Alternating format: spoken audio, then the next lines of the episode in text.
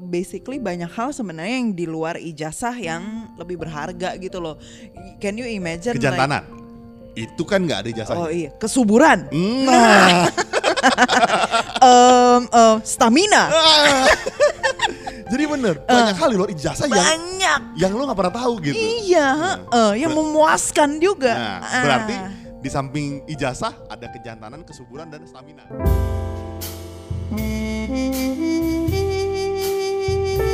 Beb,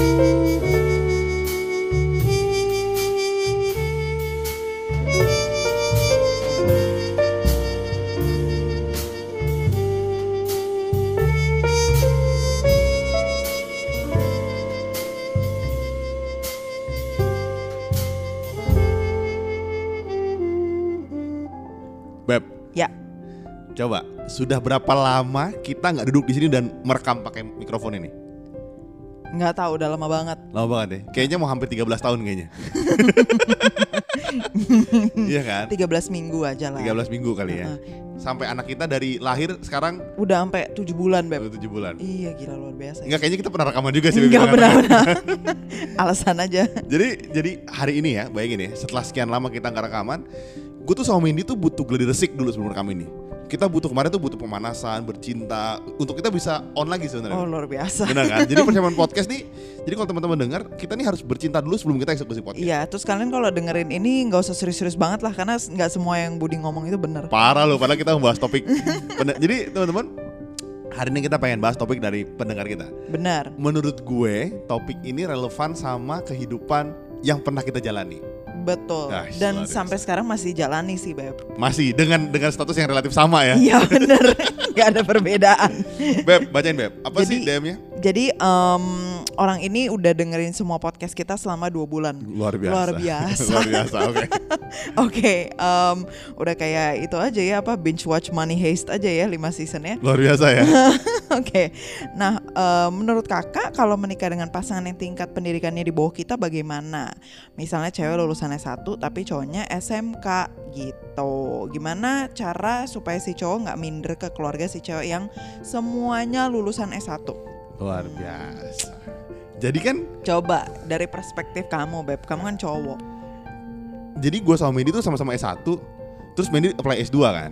Ya. Nah, waktu itu gue mau S2 juga, tapi karena gue emang duitnya kurang nggak jadi akhirnya gue pilih bekerja kan. Nah teman-teman, yang perlu lo tahu, setelah kita menikah, Mendy mau prepare S3. Jadi nanti gelarnya nggak S1 S2, tapi Budi dan Dokter Relisha Mendy. Lu bayangkan kan? Gimana perasaan Belum. gue coba? Lu jangan menghitung anak itik dulu sebelum telurnya ber- meretas. Benar, benar. Gua sih bahkan sebelum dia menetas udah mikir nanti anak itiknya punya anak lagi nggak jadi jadi teman-teman gini ya. Lu bayangin ya, dari tadinya S1 S2 proses, sekarang S1 mau S3. Gitu. Jadi bener-bener jadi gue gue tuh udah bayang-bayang ya. Nanti kalau kita ditulis di apa sih Beb kalau di, Apa di pernikahan Enggak, apa? di akademisi kan suka ada tuh misalnya disebut gelarnya eh, wisuda doktor Delisha Mendy suka Ya, gitu kan ya. ah, ah, ah. Bayangin ya, nanti misalnya eh, kita diundang sebagai karpet merah gitu ya. Iya, pasangan eh, Bapak Budi dan Dokter Delisha Mendy. Gimana kan rasanya kan? Lebay. Gila, gue jadi mikir, apa gue perlu ngambil S3 juga? Ah. Beb atau Beb, bisa nggak aku beli ijazah aja? Biar ada gelar dokter Budi juga. Oh, oke oke boleh Iya boleh. dong. Kalau nggak kamu dokter yang X1 aja, Beb. Biar dokter sama dokter. Bedanya mirip-mirip dikit. Nggak bakal lulus gue itu kalau itu. nah, teman-teman, ini kan lagi di, ditanya gitu ya. Maksudnya Nah, perasaan ini gue pernah alami gitu. Pasti pernah minder. Jadi waktu itu waktu kita masih sama-sama kuliah di tahun keempat, Mary lagi nyari-nyari kampus. Ya. Gue tuh berusaha memanipulasi bini gue sebetulnya waktu itu. Nah, Berusaha untuk Mendy kan mau S2 musik, which is kan kita sama-sama anak musik gitu. Ya. Terus Mendy mau S2 yang lain teologi. Gue bilang, udahlah teologi aja, S2 keagamaan gitu. Nah, udah teologi aja soalnya menurut gue agama kan lebih rendah ya daripada musik ya.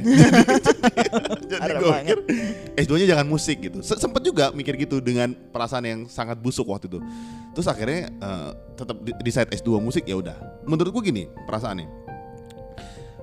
Kalau emang lu nggak bisa achieve kan, ya lu mesti menerima dong. Tuh. Ya ka- karena kan emang lu tidak tidak bisa Emang kenyataannya emang gitu. kenyataannya lu lu nggak bisa Uh-uh. gitu. Dan apa namanya? eh, ketika dulu gua nggak bisa S2 gitu, akhirnya gua harus kejar dengan eh, achievement gua dong. atau dengan income gue dong. Atau waktu itu waktu main di S2 ya gue berusaha nyari kerja yang tidak semua orang bisa dapat pekerjaannya. Ya.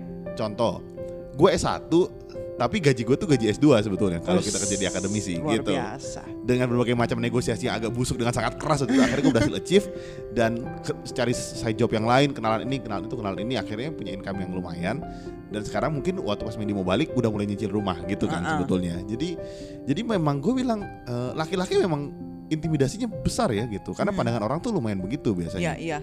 Jadi kalau lu tanya, tapi kan cinta tidak memandang eh, apa Apa?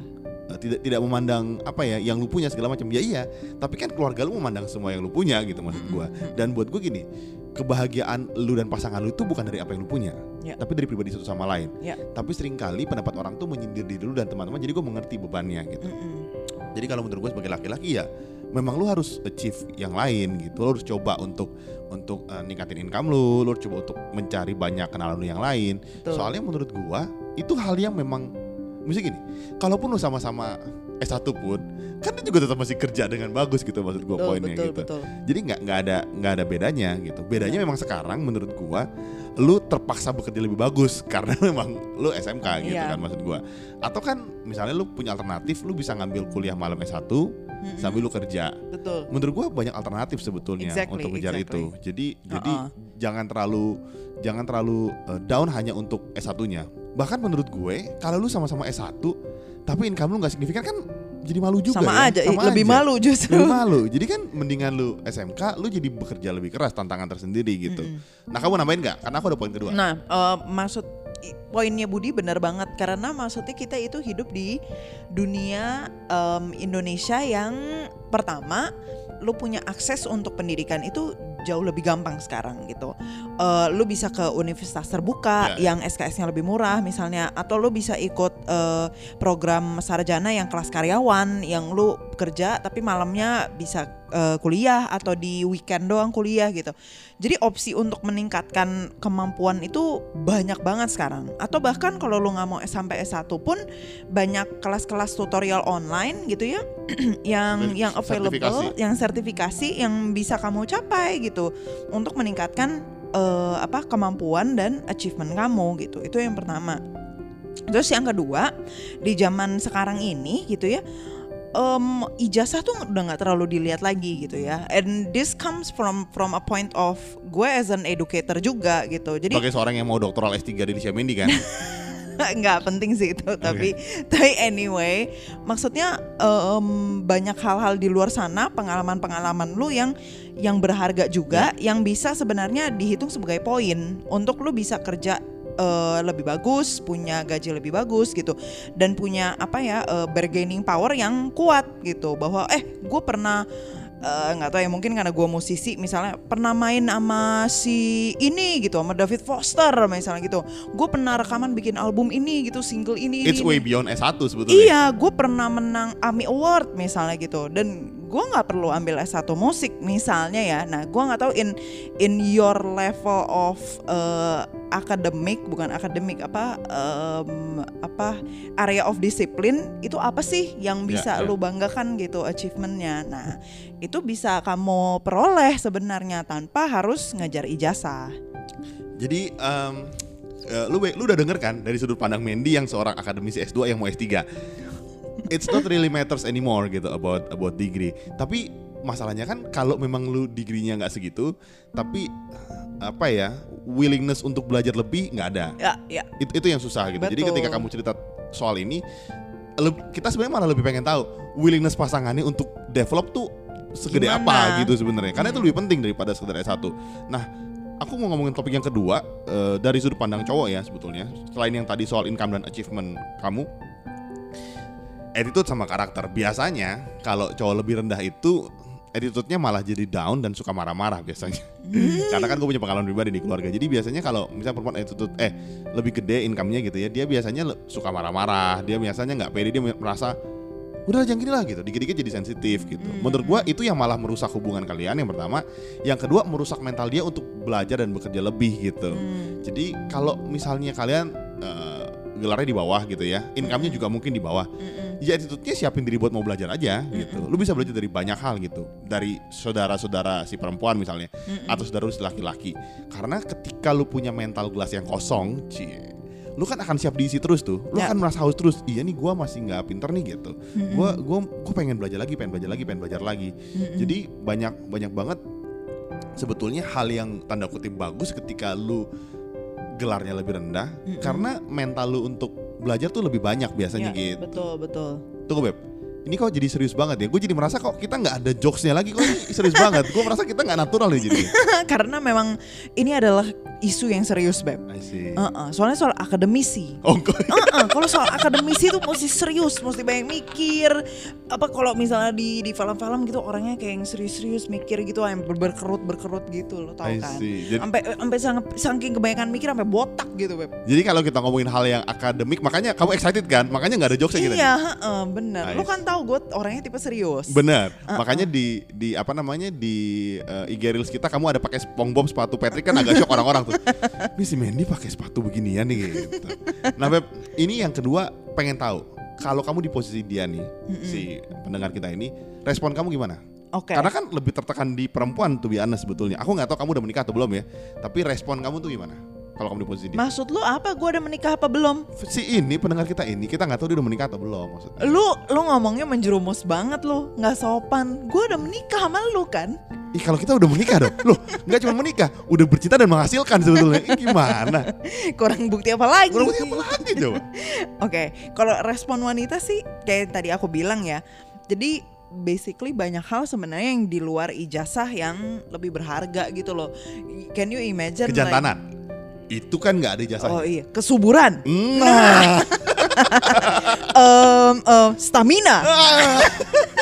jadi bener banyak hal di luar ijazah yang banyak. yang lo nggak pernah tahu gitu. Iya, eh, yang memuaskan juga. Nah, Ah, berarti di samping ijazah ada kejantanan, kesuburan dan stamina. stamina. Terus eh, iya, menurut gue itu aspek-aspek yang membuat wanita bahagia juga gitu. kita mau ngomongin ini banget. Jadi nyambung ke situ. maksud gue jadi em, apa ya, itu tuh mm, meskipun maybe for some people penting Ya. gitu ya tapi mungkin dari dari aspek gue sendiri kayak nggak melihat itu sebagai suatu apa ya sesuatu level of uh, important gitu loh yang yang prioritas banget bahwa iya gue harus mencapai uh, degree yang sama kayak cewek gue atau Hmm. sama kayak cowok gue gitu Nah, menurut aku banyak hal-hal aspek-aspek di luar sana yang eh, penting juga untuk di- dilihat dibanding gue punya ijazah gitu. Hmm. Karena apa?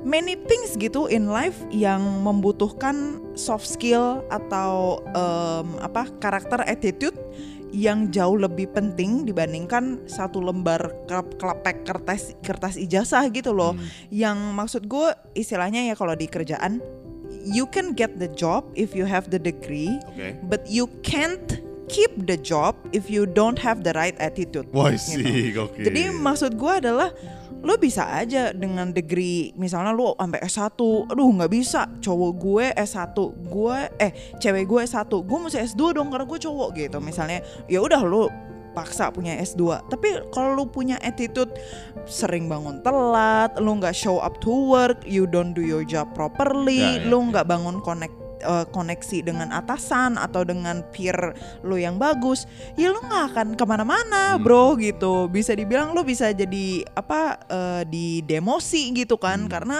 ya attitude lo sucks gitu jadi menurut gue sih apa ya eh, di zaman gini bisa dibilang beruntung juga gitu banyak orang di luar sana yang open minded Hmm. gitu nggak ngelihat itu sebagai sesuatu yang ih ya ampun gila ya lu cuma SMK doang gitu zaman Hmm. sekarang gitu. Mm, Nggak- enggak nggak sih. segitunya. Uh-uh, gitu. Karena setahu aku juga bahkan kayak Bank Indonesia ya mereka udah nggak ngelihat lagi uh, gelar gitu. Mereka udah lebih ngelihat kayak uh, sertifikasi lu gitu terus kemampuan lu. Dan dites kerja langsung di lapangan. dan tes kerja langsung. Kalau lu emang bisa eh, misalnya lu bisa programming gitu ya dan lu nggak sekolah programming ya lu bakal di hire on that spot gitu. Hmm.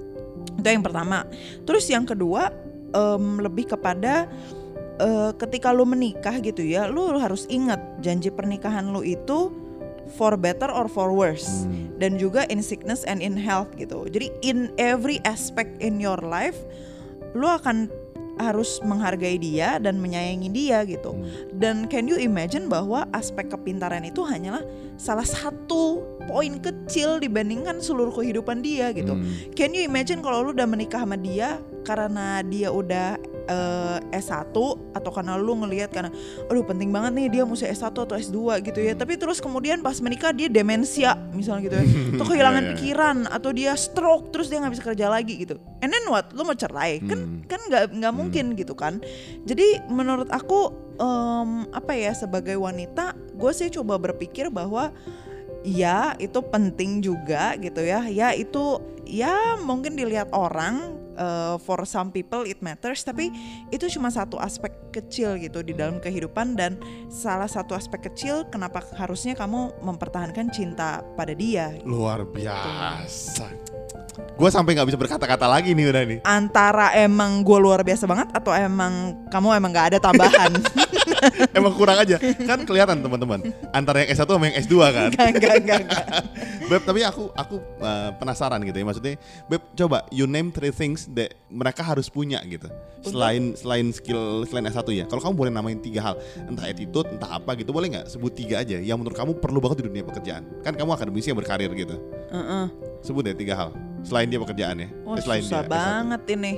Mungkin gua rasa kayak tergantung Fieldnya. tergantung fieldnya ya gitu ya. Em, kayak maybe ada beberapa field pekerjaan yang butuh kayak konsentrasi penuh gitu ya atau kayak eh presisi yang sangat tinggi gitu Ya, ya. Tapi kalau di di field of per- pekerjaan gue sih nggak sampai kayak gitu banget Hmm. gitu kan karena eh, we're dealing with students gitu kan eh, pembelajaran gitu. Tapi for me yang yang penting juga tuh apa ya orang tuh em, mau belajar sih. Jadi maksudnya mereka itu mau terus memperbaharui diri gitu. Karena the world we live in is a fast paced world Ya. gitu. Jadi cepet banget gantinya gitu.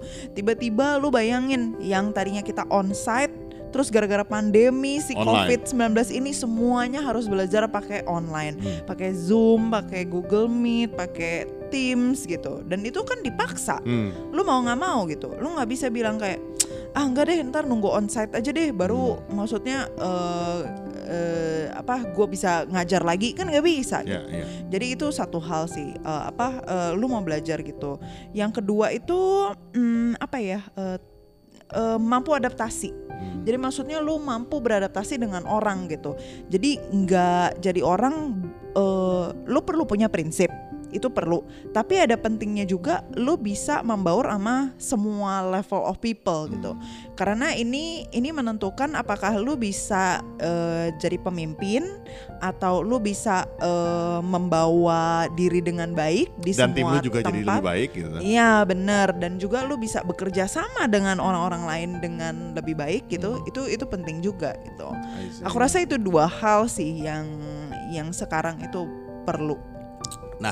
Eh, Beb, aku mau cerita dikit ya. Jadi jadi buat kamu nih mungkin ada tekanan besar dari orang tua. Jadi jadi teman aku dulu, eh, teman aku cewek dokter, pacaran sama bukan dokter. Dia eh, S1-nya ekonomi atau apalah something gitu. Oke. Nah, orang tuanya kurang kurang support, kurang, Oke. kurang suka gitu. Oke. Salah satu alasan yang simple yang agak kaget gua de- agak kaget juga dengernya. Ternyata ketika nanti mereka menikah, gelarnya berbeda. Orang tuanya maunya dokter dan dokter. Ya ampun. Serius. Jadi buat beberapa orang ternyata itu matters, Matters. ya buat beberapa keluarga ya. Jadi karena kan ketika menikah tuh kan apa gelarnya kan ditulis gitu ya. ya ya Dia ya. maunya punya anak Ada yang DR. DR-nya sama sama-sama DR gitu. Jadi Oke oke.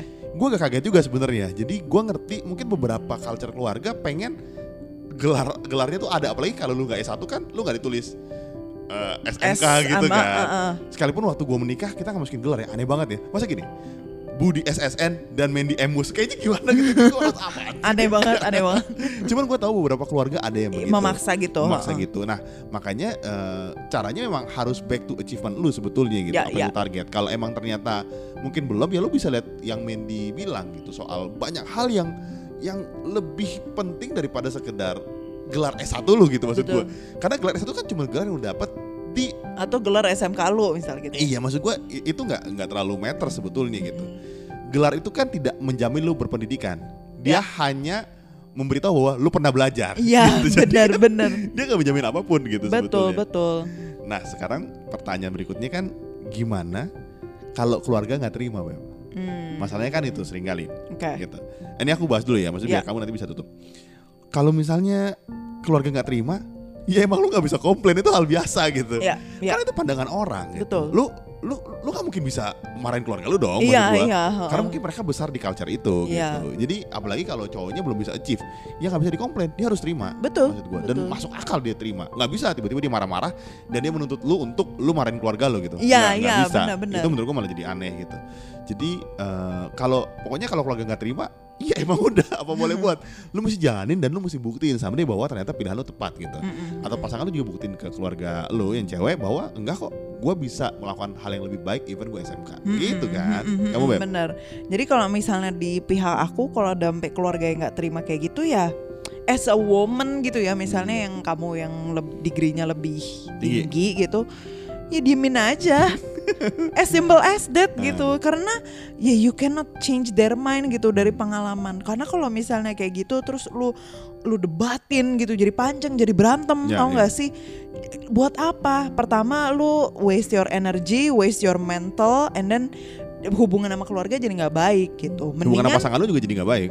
Mm-mm, mendingan kalau emang kayak gitu ya lu coba bilang aja sama pasangan kayak misalnya tadi Budi bilang ya kalau emang pasangan lu eh, emang nggak mau eh, develop himself. Nah itu berarti ya something wrong juga iya, gitu. iya. kecuali emang dia misalnya degree-nya cuma segitu tapi terus habis itu dia develop dia punya Dia achievement. lagi effort dia lagi- Uh-uh, terus habis itu atau dia lagi on the way ke sana Yes. misalnya gitu itu mesti lo hargain gitu. Jadi buat aku sih ya lebih penting menjaga hubungan dalam pernikahan lo gitu. Jadi kalau misalnya ada orang yang aduh apa ya orang Indonesia sih kadang-kadang tuh suka banyak gosip tuh ya tante-tante gue heran kurang kerjaan. Ngomongin ini nih Iya, iya lu tau gak sih? Gila parah mas. Plak main gituin kan. Tapi maksudnya adalah paling penting adalah lu ngejaga eh, hubungan lu sama suami lu itu harus kompak gitu. Hmm. Kalau lu merasa emang ada benarnya juga sih dari keluarga kayak iya ya dia eh, SMK tapi terus kok nggak develop ya? Ah, ya lu baru ngomong betul, gitu loh. betul. Tapi bukan kemudian gara-gara keluarga lu em, apa eh, mencak-mencak suami, terus abis itu lu jadi marahin suami Ya, lu ya. misalnya gitu, atau lu bikin down, padahal dia lagi on the way, dia lagi ada effort, mungkin dia gajinya lebih gede, Hmm. eh, udah ada kayak gitu, atau eh, dia orangnya caring, peduli sama keluarga gitu. Maybe he's not the breadwinner in your family gitu, Hmm. tapi dia care bisa jaga anak misalnya. I think that's a very valid point gitu yang bisa jadi pertimbangan ataupun jadi sesuatu yang bisa lo banggakan gitu. Karena nggak tahu ya, apalagi eh, bagi kita berdua setelah udah punya anak gitu ya, punya suami yang bisa jaga anak tuh blessing banget Uh. loh. Gila. Gue nggak bilang lu loh beb. Gue cuma, juga. gue cuma, ah, gue cuma Bener. bilang punya suami yang jaga anak, it's a blessing. Bener. Karena suami gue nggak kayak gitu. itu bener juga ya parah banget loh ya Enggak, enggak bercanda. plot twistnya tuh masuk Iya. banget ya Enggak, enggak. Budi jaga anak baik kok. Tapi maksudnya misalnya ya, maybe you're you're the breadwinner gitu as a woman gitu dan kemudian eh, apa suami ya udah mungkin kerjanya part time atau gimana dan dia bisa jaga anak. Eh, jangan salah, itu justru satu hal penting karena lu bisa make sure anak lu bangun tumbuh dengan lu punya nilai-nilai keluarga yang Wih, lurus gitu kan. Jadi apa ya buat gue sih aduh orang kalau misalnya em, banyak gosip kayak gitu sih lu lu nggak akan bisa apa ya eh, eh, nggak akan ada habisnya gitu. Hmm. kalau lu sambut kayak gayung bersambut lah uh gila dia malah marah malah jadi seneng gitu Iya, malah iya. makin gosip. Jadi udahlah kayak gitu mah diemin aja. Beb, pertanyaan terakhir waktu kamu S2 dan aku tidak S2 kamu gak ada kepikiran apa pun ya? Maksudnya nggak ada mikir sedikit pun untuk kok dia nggak S2 gitu. Ada nggak kepikiran itu waktu lagi studi? Mungkin waktu di sana kepikiran gitu. Kayak eh, lebih kepada kayak karena kamu udah rencanain Hmm. gitu bukan karena gelarnya beda Eh, Iya gelarnya beda. Tapi karena kamu udah rencanain, udah mau jalan, kayak udah di, kayak kamu udah prepare semua gitu loh, udah hitungin duitnya berapa gitu. Terus kok tiba-tiba nggak jadi? Buat gue tuh kayak, oh agak aneh gitu loh, kayak udah ada ekspektasi tapi terus nggak jadi. Oh ya udah deh gitu. ternyata kan Lebih membuahkan hasil ternyata Oh iya. karena gini nggak jadi S2 tapi punya tempat untuk bercinta. Oh Nah, siap Beb, ada sarang cintanya ya. ada sarang cinta gitu Eh, kan? eh, karena kamu tinggal di Indonesia untuk membangun sarang cinta. Nah, jadi gagal S2 Nah, tapi tetap bercinta. ah, itu judul kita gitu aja Beb ya. jadi, jadi, not approve. jadi buat kamu yang lagi dengar, semoga ini bisa menjawab gitu. Kita tahu ini perspektif kita, tapi kita mau cerita bahwa ini yang kita alami langsung. betul, betul. Gitu. Budi S1 dan Delisha Mendy kandidat PhD. Gila. Gitu. Kayaknya lebay banget belum, belum. Belum. Jadi jadi semoga bisa membantu dan eh, kamu coba untuk lebih calm down, jangan coba jangan terlalu stres mikirin kata orang karena itu Iya, stres loh. iya, dari bahasa betul. kamu kayaknya banyak tekanan dari pihak keluarga gitu. Betul, jadi, betul. Jadi calm down. Gitu aja kali ya. Yes, kalau misalnya nih ada yang mau tanya-tanya lagi, silahkan DM ke Bisa DM ke @pilotok.podcast atau bisa email kita juga ke pilotokpodcast.id at gmail.com. Yes, jadi segitu aja. Sampai ketemu minggu depan. See ya. Kalian tahu nggak sih rahasia bagaimana kita berdua bisa bikin konten setiap minggunya secara rutin? Ternyata rahasianya ada di Nasi Padang. Jadi, gengs, tiap kali si Budi itu makan, Nasi Padang. dia punya kemampuan berpikir dan kreatif itu semakin meningkat. Jadi, kalau kalian mau beliin kita, Nasi Padang. boleh ke karyakarsa.com slash ID. Tenang aja, aku kalau nasi padang tuh murah kok. Nasi, sayur sama kuah, paling 10 ribu. Iya, karena kemampuan perut Budi akan bertambah dengan cepat kalau dia makan karbohidrat aja. Jadi, jangan lupa ke karyakarsa.com slash pilotokid untuk support kita ya.